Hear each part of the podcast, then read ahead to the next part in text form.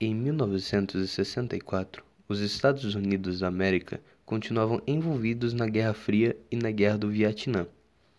Pressionados pela União Soviética, que em 1956 havia mandado o primeiro satélite artificial na órbita da Terra, o Sputnik 1.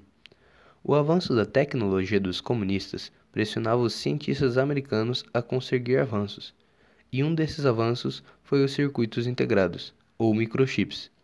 Os circuitos integrados eram feitos de silício, eram construídos com números gigantes de transitores, o que possibilitou a construção de equipamentos menores e mais baratos.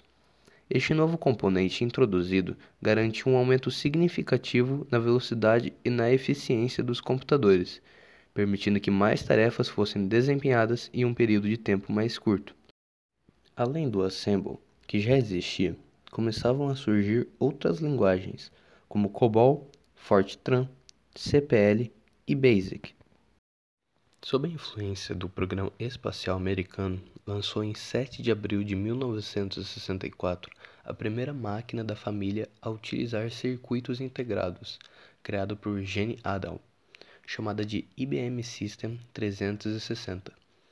Esses computadores foram projetados com a finalidade de atender a demanda do mercado e do comércio, para facilitar o modo de administrar empresas e marcaram a tendência de usar circuitos integrados, ou pastilhas como eram chamados, que atualmente são conhecidas como chips.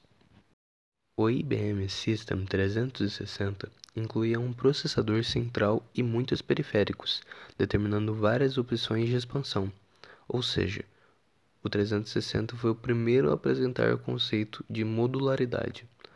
O comprador poderia adquirir diferentes módulos conforme suas necessidades, muito parecidos com os computadores da atualidade, que dependendo da necessidade da pessoa, é possível comprar um computador mais barato e mais acessível, mas ao mesmo tempo, se ela precisar de um computador com uma capacidade maior, ele pode comprar um computador mais potente, só que ao mesmo tempo mais caro.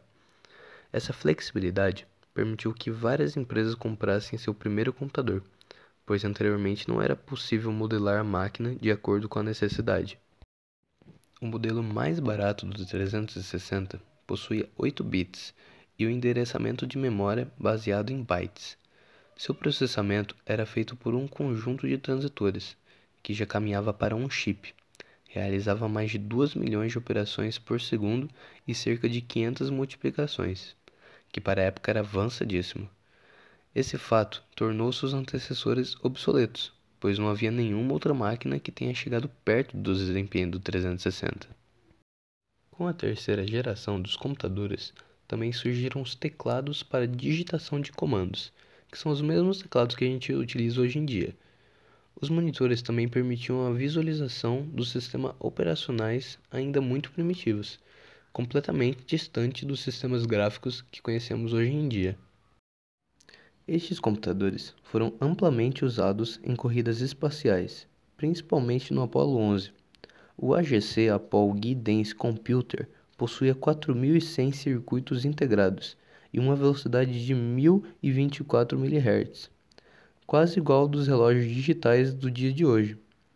Ele foi usado nos sistemas de navegação, onde tinham total controle dos demais sistemas da nave. No dia 20 de julho de 1969, o homem pisou na Lua, e praticamente tudo isso se deve à terceira geração dos computadores e aos circuitos integrados. No final dessa geração, a IBM começa a perder mercado, pois o mercado começava a vender mais periféricos mais baratos e compatíveis com a arquitetura da companhia.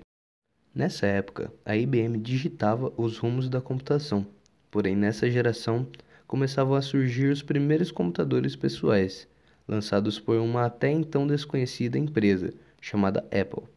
A IBM começou a separar a criação do hardware de desenvolvimento de sistemas, construindo um mercado de softwares. Isso foi possível devido à utilização de linguagem de alto nível. Nisso entra a outra figura que iria se tornar mundialmente conhecida, Bill Gates e Paul Allen, que fundaram uma pequena empresa chamada Microsoft que pretendia desenvolver um software de linguagem BASIC para o Altair 8800 da IBM. Nesta época, também surge a popularização da empresa Xerox e seus computadores pessoais. A empresa responsável por popularizar o mouse inventado com as interfaces gráficas, além de ser um dos primeiros computadores a incorporar o uso de redes Ethernet e servidores de arquivo de impressão.